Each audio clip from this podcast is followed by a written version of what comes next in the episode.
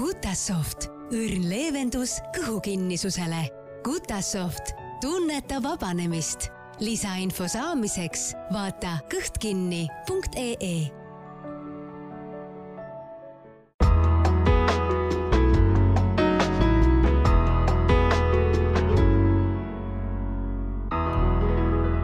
tervist teile, head kuulajad! Te kuulate taskuhäälingu saadet Tervist. minu nimi on Aive Mõttus, olen Maalehe ajakirjanik ja tervisetoimetaja.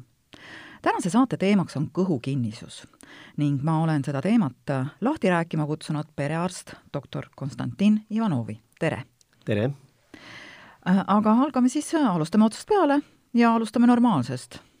Äh, kui tihti peaks tervel inimesel kõht läbi käima? no see on ikka väga varieeruv ja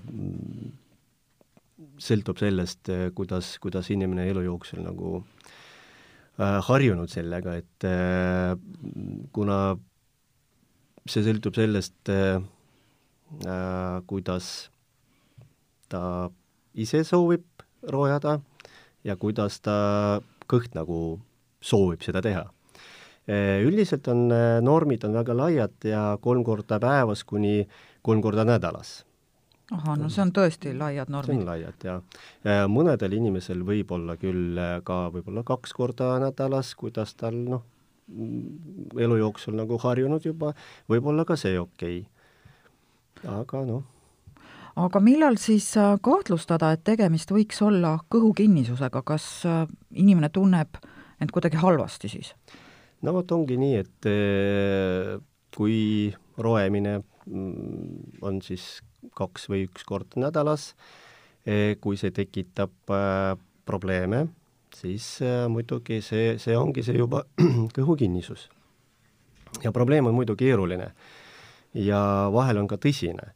ja inimene, kes mõtleb selle peale, väga tihti aru ei saa, et, et mis mul juhtub ja vastuvõtul näiteks perearsti juures need inimesed eriti sellest ei räägi, kuna on harjunud ja perearst peab nagu juba ise huvi tundma selle vastu, et küsima ja aga no kuidas inimene ise saaks aru saada, et tal, tal võib olla kõhukinnisus, millised need sümptomid on või millise tunde see kinnine tõht tekitab, kas kas see võib olla talutav, muutub enesetunne väga halvaks, kas need sümptomid võivad olla erinevatel inimestel erinevad?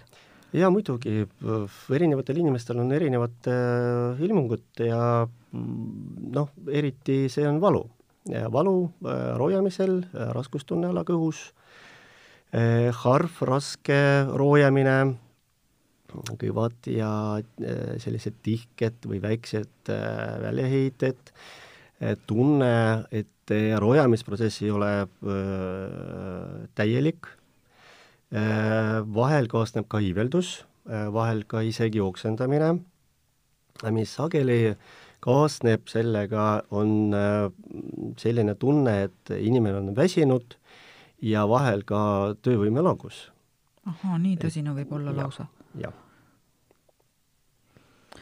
nii et, et noh, tõesti väga lai on see diapasoon ja teie arstina peate siis suutma selle kõik selgeks teha, isegi kui inimene teie juurde tulles tegelikult väga sageli sellest ei räägi üldse.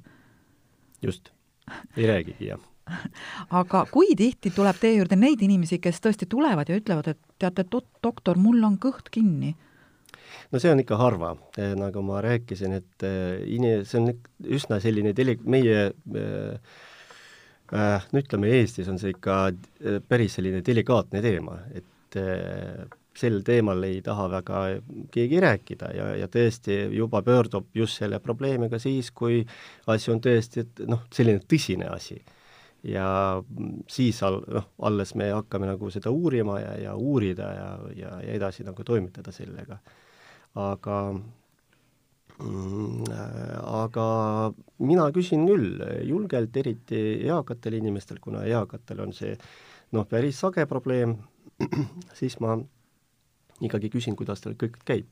et ja sageli saan ikkagi vastuse, et, et halvasti, et siis, siis hakkame selle peale nagu mõtlema, mis võib olla ja sellest lähtuvad need analüüside määramised ja, ja, ja need edasi noh, toimingud no aga mm, tegelikult äh, ikkagi julgemalt peaks tõenäoliselt sellest teemast rääkima, kuigi arvatakse, et see on delikaatne teema ja, ja noh, mis seal siis ikka, et ei julge isegi arstile rääkida, ja julgemalt peaks eriti rääkima selle tõttu, et selle kõhukinnisuse taga ju tegelikult võivad ennast peita mitmesugused erinevad haigused, ehk siis kõhukinnisust põhjustavad mitmesugused ja. Äh, tõved, et mis need olla võivad?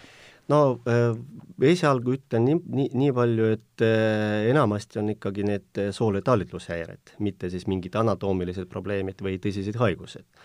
ja kui me sellest räägime, siis sagedasemad põhjustajad ikkagi on meie eluviisiga seotud. et vähene veetarbimine, vähene liikumine, näiteks sedasama kiudai-, kiudainete mm, vaene toidusedel, katkestus regulaarsest toitumisest näiteks, võib-olla ka stress, depressioon, ka väga palju ei tea sellest, aga suures koguses piimatoodete tarbimine, see võib viita nagu kõhukinnisuseni kui me räägime juba haigustest, äh, kus äh, see sümptom nagu kõhukinnisus olemas, siis need on äh, kindlasti suhkrutõvi diabeet. ahaa, no sellest me alles hiljuti rääkisime siin ja see on tegelikult väga levinud haigus Eestis. just. ja noh, teine, teine on väga levinud, on äh, kilpnäärealatalitlus ehk siis hüpoterioos. see on ka, kus selline moment, kus, kus see kõhukinnisus on aga esiplaanil äh,. No kui me räägime juba peenematest asjadest, siis äh, kesknärvisüsteemi haigused kindlasti on äh, näiteks Parkinsoni tüübi ja mingid seljakohjustused, äh, söömishäired, ärritatud soolesündroom näiteks ja noh, kõik kardavad seda söölevähki, aga mhm. noh, see ka olemas, aga muidu see on pigem selline anatoomiline probleem juba ja see kõhukinnisus läheb nagu kolmandaks või neljandaks probleemiks selles solevähega aga noh, ikkagi äh, tähelepanu tuleb talle ju pöörata, arstina kindlasti teie mõtlete ka selle peale, kui inimene tuleb ja räägib teile oma kõhukinnisusest. aga äh, palju on ka igasuguseid müüte liikvel kõhukinnisuse kohta ja, ja ma olen nad siia nüüd mõned ritta pannud, kaheksa tükki neid on, et, et vaatame, vaatame nad koos läbi, mina loen siis selle, selle mm -hmm. nii-öelda müüdi teile ette ja teie ütlete, kas see on õige või vale nii, arvatakse, et kiudainete tarbimise suurendamine aitab ennetada kõhukinnisuse sümptomeid. nii, sellega on selline lugu, et äh, tõepoolest see kiudaine rohke toidu söömine aitab kõhukinnisust vältida ja põhiliselt suurematel osadel see, see tõesti kehtib nii aga eakatel inimestel võib-olla, kellel on väga selline krooniline kõhukinnisus, pikaajaline, see võib olla isegi natukene mm, segab seda elu ja läheb nagu halvemaks, see on võimalik. aga see on väga-väga individuaalne. ehk et tuleb lihtsalt proovida see tegelikult? just, jah. ja need kiudainetirikkad toidud on siis noh, eelkõige teraviljatooted? kindlasti on jah, no juurviljad, puuviljad äh,, kindlasti igasugused täisteraleib näiteks, täisterahilbed äh,, kuivatatud äh, ploome näiteks mm, -hmm. aprikoosi või igasuguseid salateid ja nii edasi, nii edasi. nii et see vana nipp, et kui sul on kõht kinni, siis see kuivatatud ploom täitsa toimib? sobib. sobib, väga mm -hmm. hea. nii, teine müüt. vähene füüsiline aktiivsus tekitab kõhukinnisust kui mina mõtlen selle peale, siis esialgu tuleb nagu ikkagi äh, eeskätt ikkagi eakamate probleem, ehk siis äh, eakas inimene väga ei liigu. see tõesti on see punkt, kus peab nagu natukene neid turgutada ja siis natukene neid aktiviseerida aga kui me räägime praegusest olukorrast, kus äh, noor inimene istub näiteks kaheksa tundi ühe, ühe, ühel kohal, näiteks kuskil kontoris arvuti taga, ei püsti ei tõuse ja siis äh, see ka muidugi sobib selleks, et, et äh, areneb varem või hiljem see kõhukinnisus. no kui ta ei tegele mingi spordiga, liigub autoga, siis loomulikult see on üks, üks variantidest, miks, miks ta, see kõhukinnisus tuleb nii et see on täitsa tõene, võib olla see, see väide. nii, kolmas väide. kõhu kinnisusega kogunevad kehasse kahjulikud ained. Äh, no see on ikkagi puhas müüt. Äh, siin ei ole midagi selle taga, mis võib-olla muutub mikrofloora, aga, aga mingit kahjulikke aine küll ei, ei tekita. muidugi see ebamugavus, gaasid ja nii edasi, see kõik on küll olemas ja aga see on ikkagi müüt väga hea, seda on hea teada. nii, neljas müüt, naistel tekib kõhukinnisus enne päevi äh, pigem võib-olla me räägime just äh, rasedushormoonidest, ehk kõige rasedatel tõesti on see probleem. Äh, enne päevi naistel võib-olla tekib ka kõhukinnisus, aga see on väga individuaalne ka. rasedatel küll, see on nagu esiplaanil ka ahah, no nii, me jõudsimegi tegelikult siis kohe selle järgmise müüdini, mida ma olin valmis siin ette lugema, et naistel tekib raseduse ajal kõhukinnisus ja see on tõesti see tõsi. see on tõsine, jah, jah. ja see on siis põhjustatud mitte, mitte siis füüsilisest survest soolele, vaid Ei, just see on pigem ikkagi hormoonid, jah mm, Mhm. -hmm. et ikkagi hormooni mõju, mis pärssivad soole tegevust ja sellega kaasneb just see kõhukinnisus nii, aga nüüd, kui inimestel, väga paljudel inimestel on ju hirm ravimite võtmise ees, noh, ka kõige tavalisemad äh, ravimid, mida palju tarvitatakse, vererõhuravimid, mingisugused palaviku alandajad, valuvaigistid, et oi, ma ei või neid võtta, ma võin nendest sõltuvusse jääda. kas kõhulahtistitest, kui neid on tarvitatud, on võimalik sõltuvusse jääda? no need uuemaid äh, kõhulahtisused küll seda ei tee et äh, kui me räägime näiteks äh, head tuttavat Senna äh, ja pisakotüüli näiteks, ma nimetan neid äh, ainet, et siis küll äh, ütleme, selline äh, ülemäärane tarbimine küll viib äh, sõltuvuseni, aga need äh, moodsad ja uued äh, kõhulahtisused äh, kõhulahtistit ei tekita minti mm -hmm. mingit sõltuvust. nii et noh, siis apteegis tasub ikkagi, kui on vaja, küsida neid uuemaid asju. julgelt, jah. julgelt. nii, kas kõhulastistite võtmine võib hiljem viia kõhukinnisuse te taastekkeni? no see ka ei ole nii, et äh, igasugused tõendid selle kohta puuduvad ja uuemate äh, põlvkonna kõhulahtisid võib kasutada päris pikalt ja, ja, ja edukalt. ja ei, mitte karta seda, et, et midagi juhtub, et ma jään sõltuvusse või või midagi juhtub, kui ma lõpetan seda võtmist. et siis lihtsalt äh, organism hakkab ise normaalselt Just. edasi tegutsema? nii, aga nüüd äh, populaarne teema nende hulgas, kes äh, tõenäoliselt harrastavad dieeti pidada ja on kehakaaluga kimpus. kas kõhulahtistid aitavad kehakaalu langetada? no see on kindlasti mitte. et äh, lahtistid on mõeldud just selle kõhukinnisuse leevendamiseks, mitte siis mingisuguse kehakaalu alandamiseks või mingi muu tegevuseks ja äh, vot siin on see koht, kus äh, ka selle äh, kõhulahtistite kasutamine võib viia just üksnes vee või, või mitte või, jaa, soolade kaoni. ja midagi muud sellega ei kaasne, aga mingit kehakaalu langust ei tule mm. -hmm. et see lootus on asjatu? eri, jah. Nii, aga nüüd, kui tõesti inimesel on see probleem, mida siis teha? mida inimene ise teha saab? no nagu ma ütlesin, kuna see probleem on pigem ikkagi elustiiliga seotud, siis äh, tuleb mõelda ikkagi elustiili äh, muutmine muutmisele et äh, see on igal pool artiklites ja, ja iga arst teile ütleb üks ja sama lugu, et süüa tuleb korrapäraselt ja tervislikult, kuidas inimene saab aru, mis on tervislikult toit või mitte, ta võib lugeda sellest, ta võib rääkida sellest arstiga muidugi, aga just need kiudained, mis ma mainisin, et, et sellega tuleb, tuleb ikkagi töö, töötada ja, ja mõelda, mida te sööte. sööma peab kindlate vaheaedadega, aeglaselt, kui me räägime veekoormusest, siis see on väga suur, suur osa, kuna meie tavaliselt ei joo palju, et kindlasti oleks mõttekam kasutada rohkem veed, just vee või morssi näiteks, mm,. Kui palju, see sõltub küll inimesest, mina näiteks ei saa juua üle pooleteist liitrit päevas, ei saa, mitte kuidagi.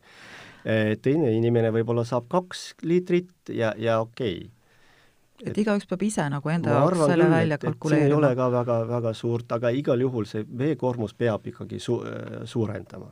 aga need inimesed, kellel on äh, tendents veepeetusele, need peaksid võib-olla oma arstiga selle vee joomise läbi rääkima, et kui palju nad kindlasti. Jooma peaksid. ja kui me räägime üldse veekoormusest, siin tuleb mainida kindlasti seda kohvi joomine kohvi joomisest, et kohvi joomine on iseennast äh, noh, see ei ole, ütleme, vesi. See on ikkagi kofeiiniga seotud riskid ja kohvi joomine nagu meil Eestis nagu väga, väga levinud ja me joome võib-olla kaks, kolm, neli, viis, kuus, kümme tassi päevas ja mitte tassi, võib-olla kruusi päevas ja. ja tegelikult seda peab kindlasti no ikkagi arvestada, et see kohvi joomine ei ole kõhukinnisusega väga sobib ahah, et parem tasuks äh, mingisugust taimeteed, vett, puhast vett. just nii, just nii. aga nüüd, nüüd veel üks küsimus, mis on hästi oluline. millal kindlasti tuleb äh, kõhukinnisusega arsti vastuvõtule minna? no siin on oma punased äh, lipud olemas, näiteks kui kõhukinnisusega kaasneb ka veriiritus pärasoolest kui kaasneb ebaselge palavik, näiteks kehv veresus, kindlasti mm, tasub kohe, kohe minna arsti juurde. Kui tekivad ägedad kõhuvalud, kui tundub, et midagi seal kõhus toimub, ehk siis võib-olla isegi katsu, katsuda mingi mass kõhus, ebaselge kaalulangus ka, e, kui te ei pea mingit dieedi, siis äh, seda ei pruugi olema nagu tavaliselt, aga kui te märgate, et see kaal on langenud, siis kindlasti.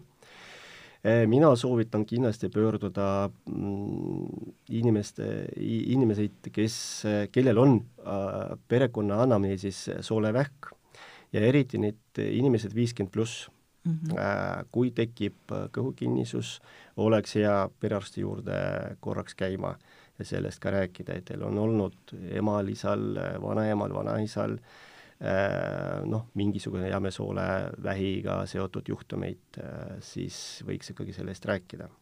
kindlasti tasuks äh, osaleda ka soolevähi sõeluuringul, eks ole? see vist algab kuuekümnendast eluaastast? tasustab ennast jah, väga-väga. meie keskuses me teeme seda juba, ma ei tea, neljas aasta ja ma ütlen ausalt, eh, me leiame küll soolevähki, eh, me leiame küll igasugust probleeme sellega seotud, ma ei ütle, et see on väga palju, aga aastas eh, päästame sellega ikkagi paar-kolm elu. no isegi üks päästetud elu just, on väga suur asi. just. Aga on teil veel neid punaseid lippe äh,? Võib-olla mitte, aga selles mõttes, et äh, meie perearstid ikkagi tegelevad sellega väga palju, äh, seda oskusi ja teadmisi on küll ja küll, et kui on vaja, saadame siis uuringutele, kui on vaja, saadame ka eriarstidele, näiteks sissearsti või gastroenteroloogi juurde ja tegelikult selle, sellega peab lihtsalt nagu ükskord mõtlema, kas mul on see, kas see häirib mind ja kui need ravimid, mis äh, saab apteegis osta ilma retseptita, ei aita või midagi mm, ei tule välja või mingi aja jooksul ei aita, siis loomulikult see, see tuleb ikkagi mõelda perearsti juurde pöörduda. Äh, võib-olla räägin paar sõna ka nendest ravimitest, kuna äh, ravimeid on tohutu palju et praegu ma lugesin või vaatasin apteegist, neid on kuskil üle kümme kindlasti. Ja vali, valida on väga raske, et parem ikkagi tulla kas apteekrite juurde, ehk siis küsida tema käest, mida võib soovi-, ta võib soovitada. sest ta soovitab kindlasti ikkagi seda uue, uuema põlvkonna ravimeid, neid osmootse toimega lahtistit, näiteks nende makrokooli, laktoloosiga seotud sorbitooliga, mis ei imedu soolest mm. -hmm. sest inimesed kardavad seda, et kui ma hakkan võtma mingeid ravimeid, siis see nagu rikub minu organismi ka. üks, üks ravib, teine rikub. Selles mõttes sellised, selliste tüüpi ravimid on ohutu ja, ja aitavad. Mm, no võib-olla niimoodi no tõenäoliselt on ohutud kõik apteegis müüdavad Just. ravimid, aga nendel on erinev toime, eks ole?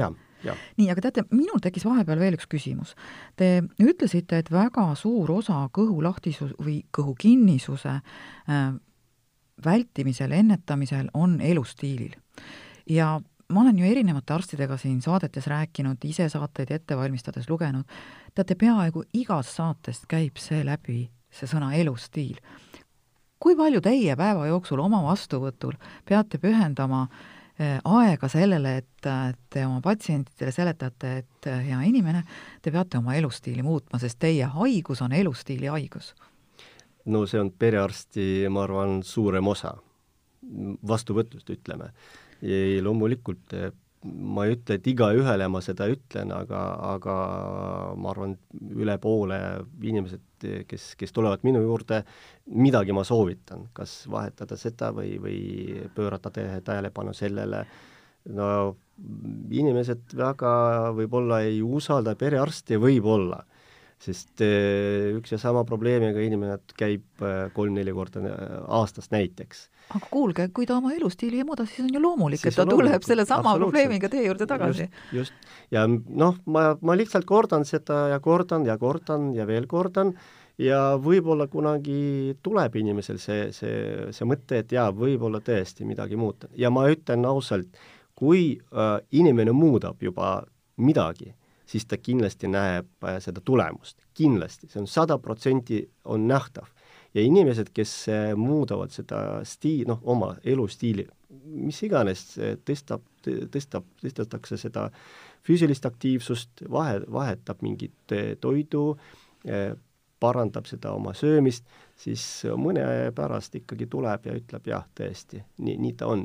see, kes juba on seda teinud need usuvad edaspidi ka, ka perearst, et, et jah, võib sellega midagi muutma. ja see noh, see, see, see nii toimib. väga hea, suur tänu teile, doktor Konstantin Ivanov! aitäh! Äh, ja rääkisime me täna siis äh, saates kõhukinnisusest perearst Ivanoviga. head kuulajad, te kuulasite taskuhäälingu saadet Tervist. saate leiate Delfi podcastide pesast tasku, nutirakenduste Spotify, Apple Podcasts, SoundCloud ja teised hakake jälgijaks ja kuulake just teile sobival ajal. ettepanekuid teemade kohta, mida saates käsitleda, ootan teilt e-posti teel aadressil tervist.maaleht.ee. minu nimi on Aive Mõttus, olen Maalehe ajakirjanik ja tervisetoimetaja. tervist teile!